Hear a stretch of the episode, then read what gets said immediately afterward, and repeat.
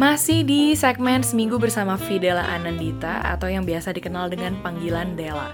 Nah, Dela ini adalah orang yang antusias banget sama apa pun yang berhubungan dengan pemahaman diri dan juga pendidikan. By the way, gue gak tau nih ya dari kalian siapa aja yang mungkin udah kerja nih saat ngedengerin episode ini. Tapi saat gue ngobrol sama teman-teman gue yang udah pada kerja, mereka pasti ngomong satu hal yaitu tentang sistem pendidikan kita yang kebanyakan sih cuma disuruh ngafal ya dan jarang banget untuk kita tuh disuruh berpikir kritis selain itu juga pasti banyak juga nih yang ngerasa kalau apa yang mereka pelajarin di sekolah atau di kampus itu nggak betul-betul bisa kepake di dunia kerja. Nah, maka dari itu gue akhirnya ngajak Dela untuk ngobrolin isu tentang kenapa sih sistem pendidikan kita tuh lebih banyak ngafalnya daripada ngebantu kita agar kita punya pemahaman diri yang lebih baik lagi. Nah kalau di mata gue nih ya, kayak tadi kan lo mention tentang uh, analogi si satu tambah satu itu ya udah pasti dua, tapi kita nggak bisa ngomong satu tambah satu itu sama dengan akar empat gitu, walaupun duanya kan sama aja kan. Nah ini mengingatkan gue akan uh, sistem pendidikan kita yang sepertinya memang terbiasa untuk uh, udah lu yang penting nurutin aja gitu. Tanpa tanpa bener-bener di encourage untuk berpikir kritis atau merefleksikan ke dalam diri itu kayaknya hmm. kurang banget tuh. Hmm, itu bener-bener kurang banget yang gue rasain. Nah kalau dari lu sendiri lu kan memang sempet juga ada background uh, kerja di bidang pendidikan gitu ya. Kalau dari lu nih ya observasi lu tuh apa sih tentang sistem pendidikan kita yang mungkin lu punya wish ini bisa diubah atau mungkin kayak uh, subjek-subjek pelajaran yang sebenarnya ini nggak gitu praktikal gitu dan bisa diganti ke hal yang lebih praktikal yang bisa bikin kita lebih paham diri kita. Nah, lo punya opinion nggak on that? Sebetulnya tuh gue gue mungkin nggak punya kapasitas untuk menjawab ya karena pengalaman gue pendidikan juga paling sumur jagung kayak waktu yeah, itu yeah. ngajar SD setahun terus pernah kerja sama mm -hmm. Pak Anies di Kemdikbud nggak lama itu terus reshuffle habis itu bikin limitless kampus jadi emang ya udah ini opini aja gitu. Uh, tapi sepanjang perjalanan itu gue ngerasa kayak pendidikan itu ngajarin kita kayak pendidikan itu kayak cuma ngajarin masa lalu sementara kita hidup di masa depan gitu loh. Karena kayak ini ini yang bikin waktu gue diajakin uh, ke Limitless Campus. Jadi dulu gue bikin inisiatif Limitless Campus sama dua orang co-founder lainnya gitu. Namanya Lintang Gustika sama Rene Soehardono halo kalau dengerin? Enggak ya? Nggak tahu mereka dengerin ya? Jadi saat itu Rene cuman nanya ke gue mau nggak kita bikin sesuatu inisiatif yang berangkat dari pertanyaan what if we can reimagine education wah hmm. langsung kecolek gue karena ya tadi proses gue feeling loss uh, setelah jadi copywriter intern di advertising agency itu bikin gue juga agak-agak marah gitu loh marah sama terus gue hmm. ngapain tahun belajar cuman buat gue nggak tahu sebetulnya gue nggak mau jadi di sini kan sebel ya gue iya, marah yeah, tuh yeah, saat paham, itu paham, paham, paham, paham. kayak apa yang diajarin di kampus dari iya, empat yeah, tahun yeah. yang lalu udah nggak relevan sekarang bahkan waktu gue di Indonesia mengajar kan gue setahun di daerah gitu ya di penempatan di pesisir gitu terus pulang-pulang gue bantuin di kantor Indonesia mengajarnya jadi jadi hmm. sosial media manager tuh ngurusin Facebook jadi waktu dulu tuh masih heboh banget kan Facebook iya, Facebook, iya, bener -bener. Twitter, Instagram baru masuk. Nah, gue kan kagak ngerti apa-apa ya, Bo. Dari dusun gitu, ngelihat ngelihat apa lampu lampu lampu kedap kedip di ibu kota aja gue kayak wow banyak kaget mobil. kaget kaget. Gitu kaget. Jadi, betul kayak anak kampung lagi ketika gue balik ke kota. Dan gue harus catch up sama itu semua gitu dalam waktu singkat untuk bantuin si sosial medianya. Waktu itu campaign iuran publik lah ya campaign donasi hmm. buat pendidikan.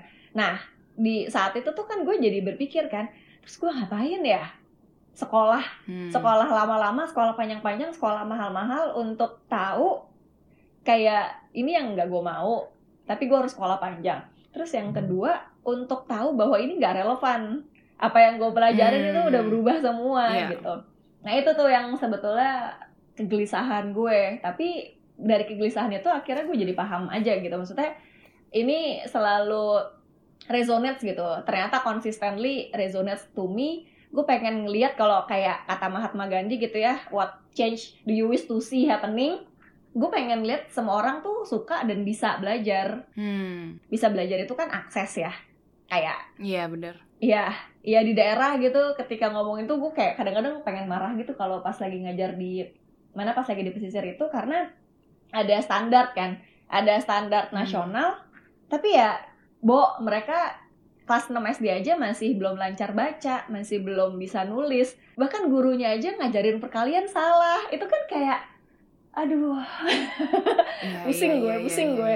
gue tuh sampai kayak waktu awal-awal ngomongin soal akses gitu ya kayak gue nilai nilai anak-anak apa adanya gitu berangkat dari ya udah gue mencoba comply sama sistem gitu-gitu tapi mereka kan nggak nyampe ya kemampuannya nggak nyampe dan gue kayak nggak paham karena gue guru baru gitu jadi nilai jelek semua di sebelah gue ada guru yang udah agak lama dan lumayan berpikiran terbuka. Gue kayak pak ini boleh nggak aku robek semua nilai anak-anak? Aku bikin soal sendiri yang memang sesuai sama kemampuan mereka.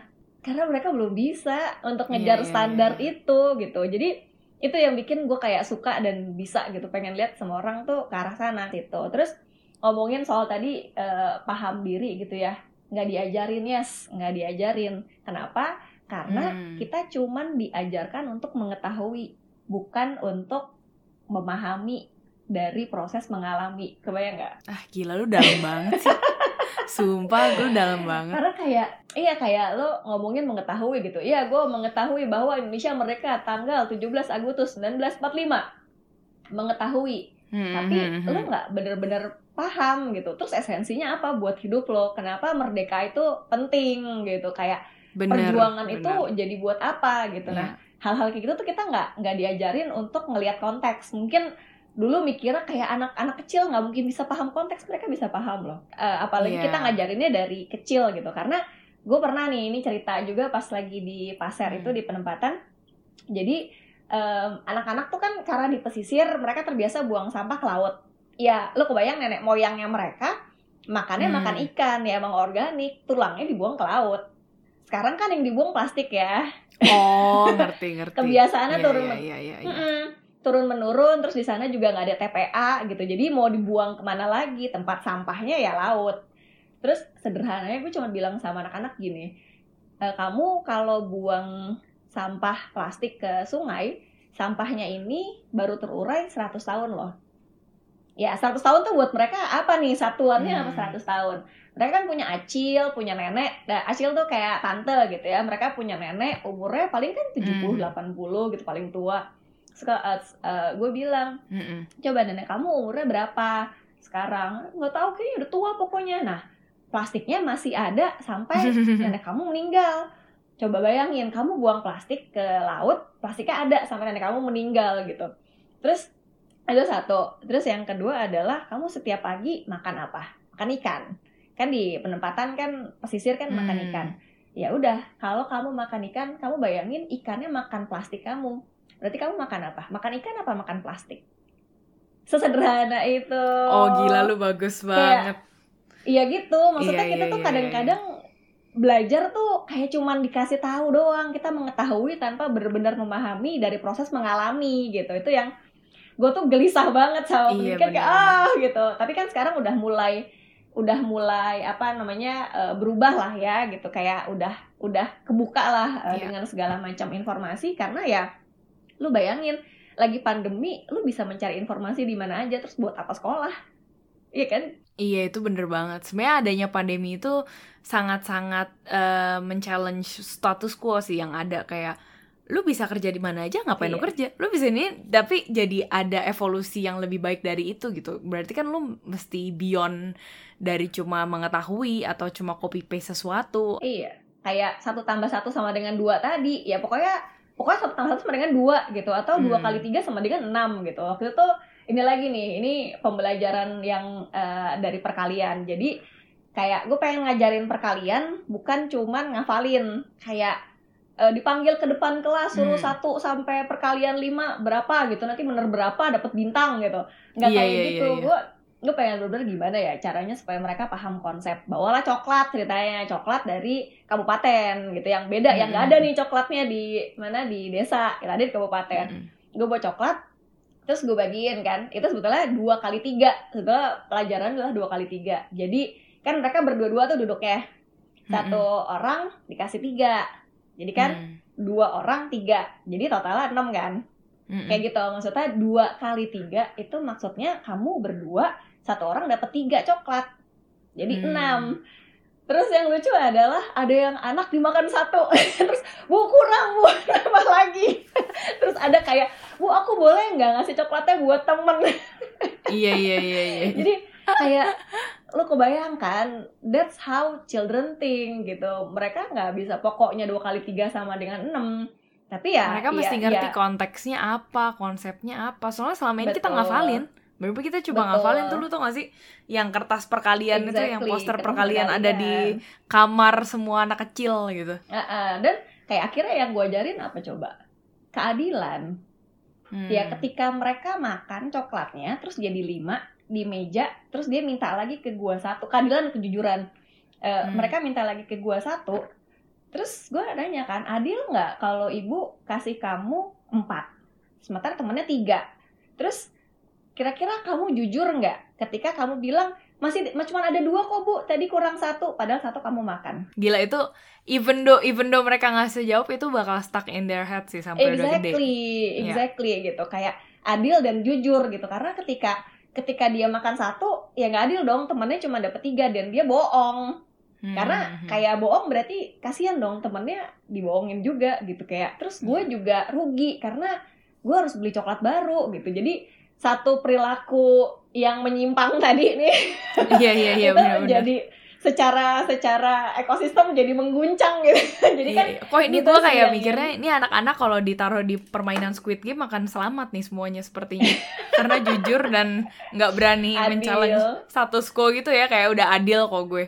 Iya. aduh menarik Gitu menarik kayak gue rasa ngomongin pendidikan tuh udah udah apa ya sesuatu yang masalahnya kita juga mengalami impact buruknya gitu ya ya ada baik dan buruknya tapi buruknya Iya. ya lu ngerti sendiri kan betapa susahnya untuk kita ngubah pikiran kita gitu nah sekarang mungkin kita lagi udah sadar jadi baru mau mengubah gitu jadi ya Betul. Karena kayak ketika kita ngomongin pendidikan itu nggak selalu peran yang dipilih harus jadi guru gitu loh. Kayak Iya.